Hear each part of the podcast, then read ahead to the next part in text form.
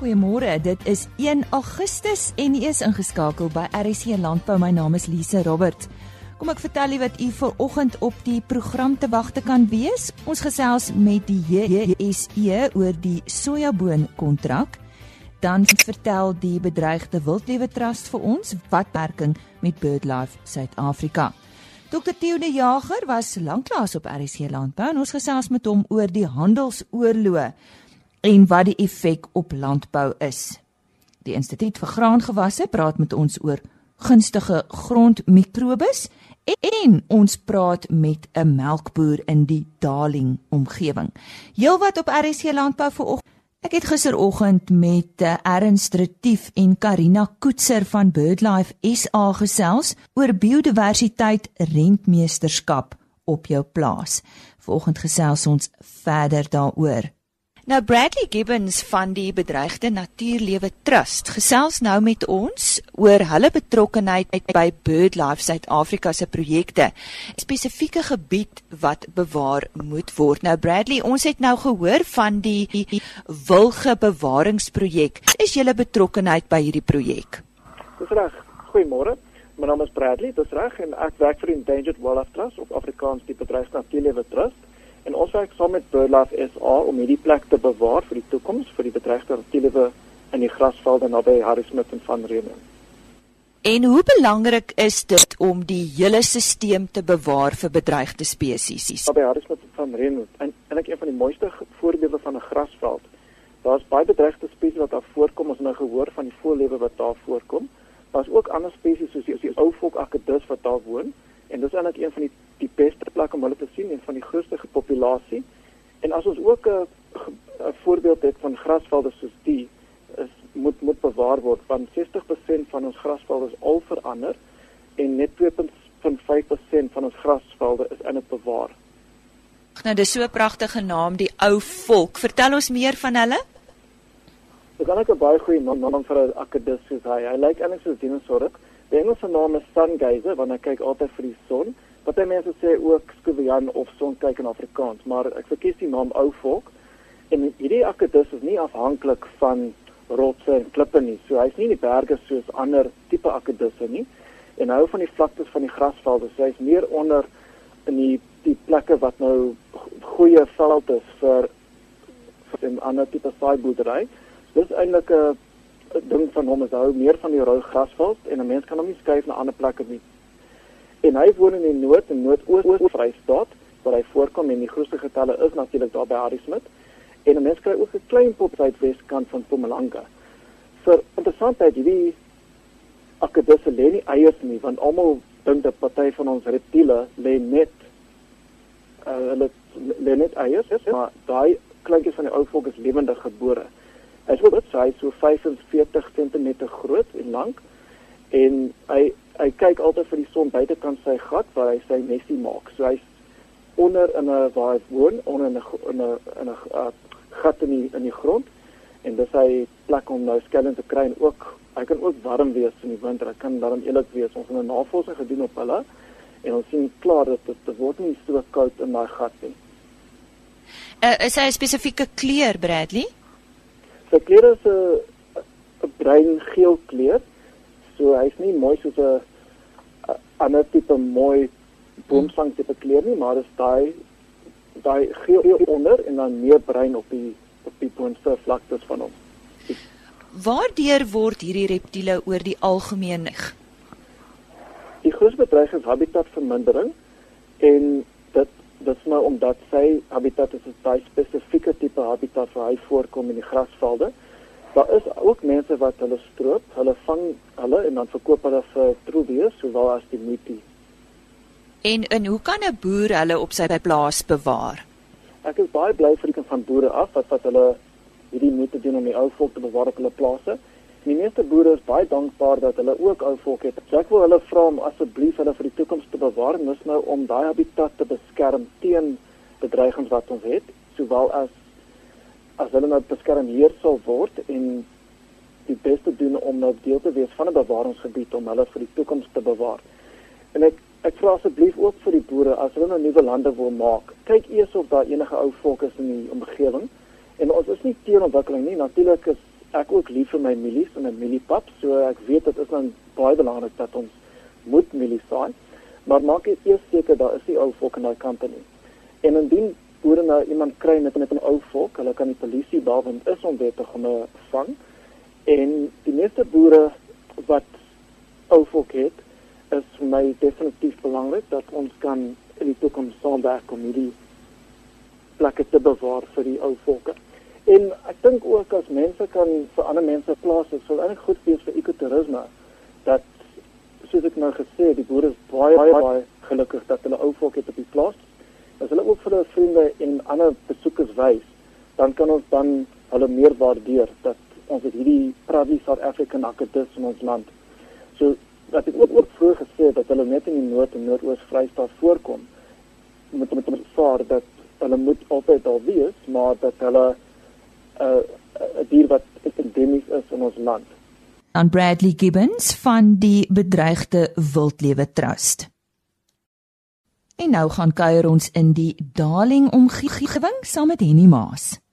Ons is selfs daar met uh, Jacob Belson, hy is 'n uh, 'n melkbeesboer in die omgewing van Darling en ons gaan met hom 'n bietjie praat oor hoe dit gaan deesdae uh op sy plaas. Ons het so ruk gelede, 'n uh, jaar of wat gelede met hom gesels.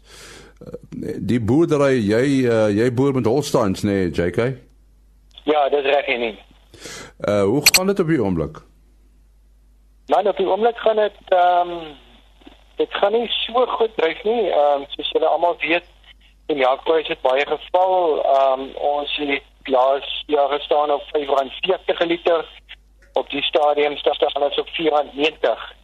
Ehm uh, maar daar's baie ander produsente wat ehm um, daar is dit ons hulle lê op 450. En die droogte in die in die Kaap, hoe het dit julle geraak? Ehm um, laas jaar was dit baie droog ja, ons het baie risiko inkoop, byvoorbeeld strooi. Ons moes planne maak om genoeg koue voer in die hande te kry. Ehm um, ons het byvoorbeeld op bierplase ehm um, gaan mediese plant onder besproeiing en uh genoeg mediese voer maak om weer weer weer trek na ehm um, die 2018 seisoen toe. Uh op hierdie stadium het ons baie goeie reën gehad in Mei en Junie. Dit uh was regtig baie baie goeie uh 'n jaar vir ons saaiboere. Ehm um, maar in Julie het die reën nou bietjie afgebreek. Dit begin nou al bietjie droog raak. So ons het weer dringend uh goeie reëns nodig om goeie kuiveroeste en koringoeste af te haal. En jy jou kudde grootte, is dit min of meer dieselfde? Ja, bietjie op seker ons nou iewers in 960 970 beeste. Ehm um, ek dink ehm um, almal is te bang om te groei want uh ons het almal uh kwotas en ehm um, ons kry maar baie lae pryse vir huisbeer of gelewer ehm um, ook aan kwota. Daar het hang af tussen R2.30 en R4.35 per liter hang af van uh, waar jy lewer. En jy melk nog 3 maal 'n dag. Ja, ons melk nog 3 maal 'n dag.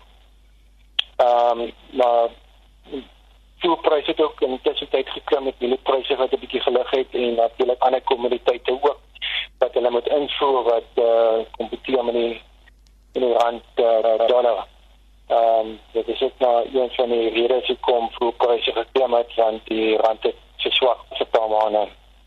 Ja, daar's 'n hele paar faktore wat 'n rol speel by so 'n boerdery soos wat jy het, né? Nee? Ja, ehm um, so en dit kos is bietjie op en ehm um, en natuurlik jou melkpryse is baie af. Ek dink wat lê op 450 Ehm um, hulle gaan dit hulle gaan dit nie maklik oorleef nie.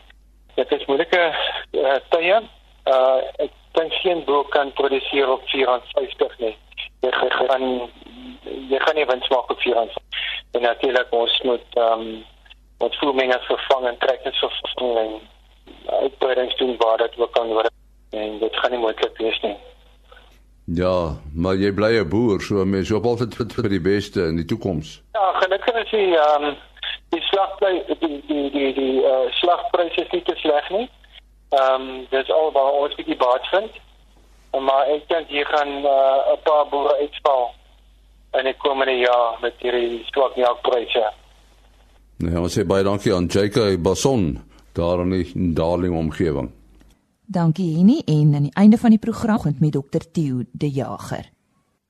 Met die rekord sojaboon-oes wat vir die seisoen verwag was, deesdae sterk in voorgrond. Ons bespreek nou sojabone veral met betrekking tot verhandeling met Annelisa toe van die Johannesburgse aandelebeurs. Annelisa, hoe groot is die sojaboonmark in Suid-Afrika? Production for the 2017-2018 marketing season was 1.3 million tons, which was a record high just by the way. And the COP estimates committee is estimated an all-time record of 1.5 million tons for the 2020 marketing season. And to think when we started through the soybean contract on exchange, South Africa was only producing 100,000 tons of soybeans, and this was back in 2002. So we've seen the production of soybeans in the country steadily growing over the past 16 years, with still potential to grow even further, that our crushing capacity is sitting at 2 million tons. Kan jy vir ons verduidelik sojaboon kontrak verhandel op die aandelebeurs? Yes, so we have a 50 ton soybean contract with futures and options. Now, this contract enables farmers and processors to protect themselves against adverse price movements. They're able to lock in a price of soybeans today for a future delivery. Now, this means that farmers and processors can determine the income they will receive from their produce with certainty. Another price for the contract is actually physically deliverable.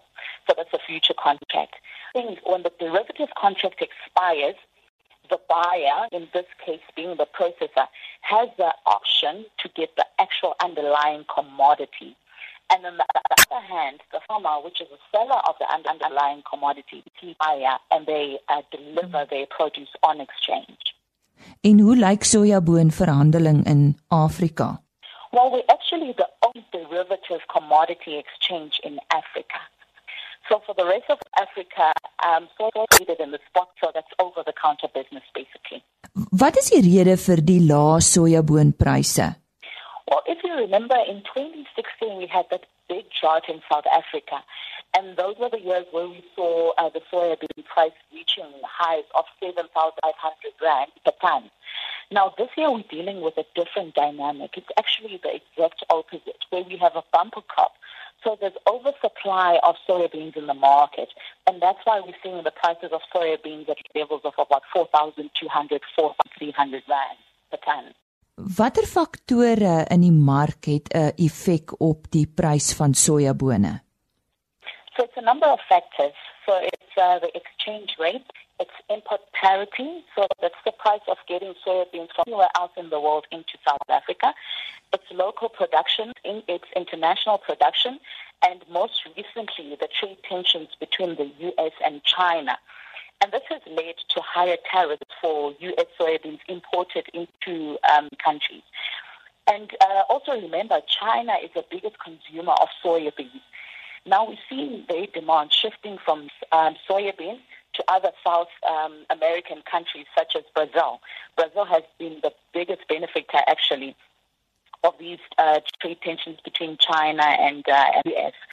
Also, some other South American countries have also, such as Argentina and, and uh, Uruguay. Ja, sê daarmee baie dankie aan Annelisa Matutu. Sy is van Johannesburg se beurs en sy is bestuurder kommoditeite en ons het so 'n bietjie gesels oor uh, sojabone in die verhandeling op die beurs en uh, soos ons almal weet is sojaboonproduksie op 'n uh, uh, altyd hoogtepunt tans in die land. Ek gesels ver oggend weer met uh, Ouen Rode. Nou hy is navorser in grondmikrobiologie by die Instituut vir Graangewasse op Potchefstroom en ons praat met hom oor gunstige grondmikrobes in volhoubare landbou. Nou uh, Ouen, miskien moet jy eers vir ons verduidelik wat is gunstige grondmikrobes? Goeiemôre. Môre. Dit is mikrobe wat werksaam is in die grond tot voordeel van die plant gunstige mikrobes in die grond, afbreking van organiese materiaal, binding en vrystelling van belangrike plantopneembare voedingsstowwe, grondstruktuur, afbraak van giftige stowwe en onderdrukking van siektes en plaag. Alles tordering van 'n volhoubare plant- en gewasproduksiestelsel. So wat is die vernaamste interaksies in die grond? Die assosiasie tussen mikrobes of mikroorganismes en die, en plante geskied in die wortels. Ook bekend as die risosfeer. Nou plantwortels stel 'n verskeidenheid van verbindings vry wat dan deur die grondmikrobes as voedsel gebruik word. Hierdie wortelafskeidings tree dan op wat die mikrobiese bevolking stimuleer. Sekere van die verbindings wat die plant vervaardig, die groei van voordelige of gunstige bakterieë bevorder, terwyl ander die skadelike bakterieë wat siektes kan veroorsaak. Watter organismes is betrokke in die interaksies, uh, ouen? 'n Groep verbindings wat deur die wortels vrygestel word, is suikers wat in die plant of gewasse blare gemaak word. Nou die suikers word dan afwaarts na die risosfeer vervoer om as voedsel vir bakterieë en swamme te dien. Hierdie mikrobes tree dan soos lewende kunsmis op deurdat hulle fosfate wat opgesluit is in die grond kan oplos en dit aan die wortels beskikbaar maak. Swamme soos Trichoderma spesies kan ander nadelige swamme afweer en die plant se verdedigingsmeganismes begin aanskakel. Stikstofbindende bakterieë is ook wortelsimbionte en kan ook die nodige voedingsstowwe aan die plant verskaf. Die bekendste voorbeeld van simbiotiese stikstofbinding is waarskynlik die wisselwerking tussen teelgewasse en Rhizobia bakterieë. Voor bakterieë is die alombekende Rhizobium en Bradyrhizobium bakterieë wat aan teelgewasse soos sojabone en grondbone toegedien word. Die Rhizobium bakterieë bind stikstof simbioties in vernootskap met 'n gasie. In die proses verskaf die plant suikers aan die mikrobes vir energiebehoeftes ter, terwyl die stof deur die mikrobes aan die plant uitgeruil word vir groei. Die wisselwerking kry se stikstof om tot 'n hernubare bron van stikstof vir landbougebruik. Een van die hoofrolspelers wat 'n brug tussen die plant en die grond skep, is die bekende mycorrhiza swam of wortelswam. Verskeie studies het al getoon dat mycorrhiza swamme 'n direkte voordeel vir 'n gewas inhou deurdat dit voedingsstowwe beskikbaar stel aan die gewas wat tot verhoogde produktiwiteit kan lei asook plante teen siektes beskerm. Die swamme leef in harmonie met plantwortels. Nou mikroma kan ongelukkig net groei en voortplant in die gebied waar plantwortels teenwoordig is. Deel van die swamme is dus binne die wortel aangesien die gasheerplant se wortels gekoloniseer of geïnfekteer word deur die swam. Sekere plante het 'n affiniteit vir mycorrhiza. Gewasse soos mielies, teelgewasse en sonneblom is uitstekende gasheer vir mycorrhiza swamme. Canola en koolgewas egter nie as gasheer vir mycorrhiza dien nie. Elke plant of gewas het dus 'n eie van mycorrhiza. Uh vir enige navraag kan luisteraars my gerus kontak by 018 299 6306. Herhaal net vir ons daai kontaknommer asseblief ouen. Dit is 8 299 6306. Dit is dan die kontaknommer vir oog met wie ons gesels het. Hy is 'n navorser daar by die Instituut vir Graangewasse op Potchefstroom en sy naam is Ouen Rode. Ja, ons is almal bewus van die handelsoorloë, maar wat se effek het dit op landbou? Ons sluit nou aan by Henny Maas. Ons praat nou met Dr. Theo de Jaar, hy is die president van die Wêreld Landbou Unie.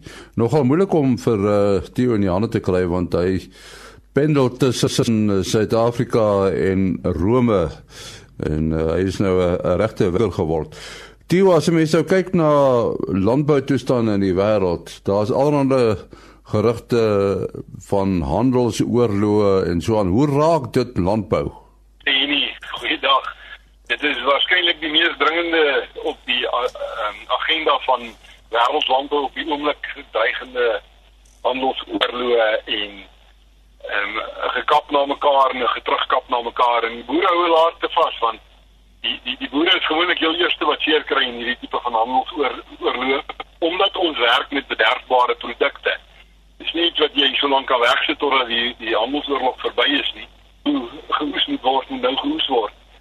En in in ons ons het gesien in die verlede en vorige kere wat dit gedink nou hier aan die in die 1920s wat uiteindelik ook gelei het tot die industrie van van Wall Street. Ehm um, wat was dit die boere wat heel eers begin skade ly het. En daarom is die gesprek hieroor tussen die wêreld se boere op die oomblik baie aktief.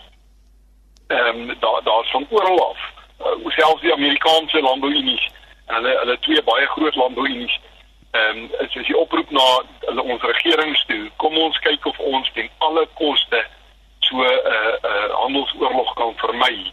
Ek self het onlangs op Russiese televisie en op Amerikaanse televisie gevra dat hulle moet ophou om die boere se produkte te gebruik om mekaar oor die kop te slaan as hulle oor ander goederes beklei.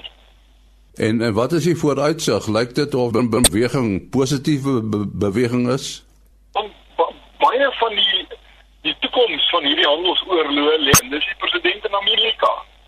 En uh, ons as boere het ook vir mekaar gesê, dit is saam met ons Amerikaanse gas. Ons hoofdoel in 'n land hoe nie is maar om beleid te beïnvloed. En in hierdie geval beteken dit ons liewer president van Amerika moet beïnvloed. En niemand is is is in 'n beter posisie as ons kollegas in die Farm Bureau in in Amerika nie, en ook die National Farmers Union wat meer demokraties georiënteerd is.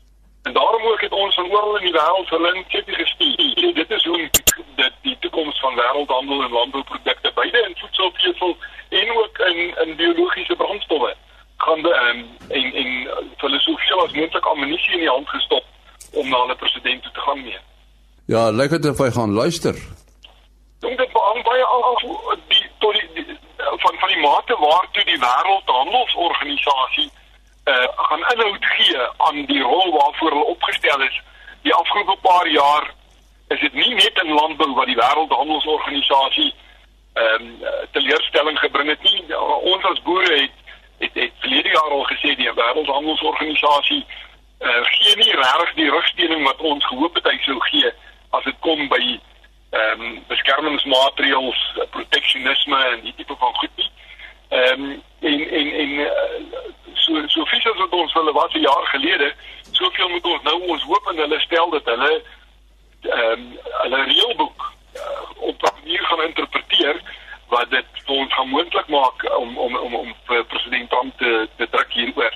Jy sien ons groot vrees is dat, dat, dat baie van die ste boere en, en ek praat nou van byvoorbeeld boere in Mexiko, boere in Kanada wat jy eers onder skoot kom, maar ook selfs boere in, in van sy grootvennote, die Europese Unie as as as hulle gewond word deur handelsoorlog, dan kom hulle nie maklik weer op hulle voete nie. 'n Boer wat ondergegaan as gevolg van hierdie tipe van goed. Ehm um, is is is gewoonlik al vir, vir die volgende paar jaar uit landbou uit. Die ander groot uitdaging is natuurlik klimaatsverandering. Ja, dit is op ons langtermynstrategie het ons eintlik gedink dit sal ons aandag die meeste vashou toe ons nou nog nie geweet het van hierdie skote wat uh, uit Amerika geskiet word word, word op op ander ons gebied nie. Maar ehm um, vir vir wat die wêreld se boere gefrustreer dat die klimaat uh, gesprek in in in die UNFCCC in in Bonn word eintlik gedikteer deur politici wat van land landbou op die aarde niks weet nie.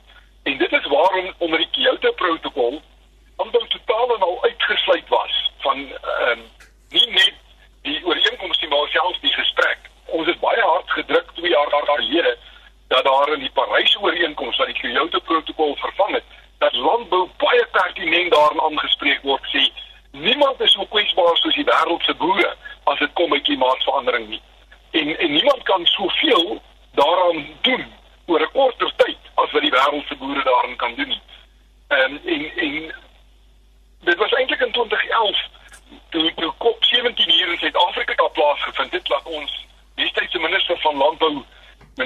Juma Pieter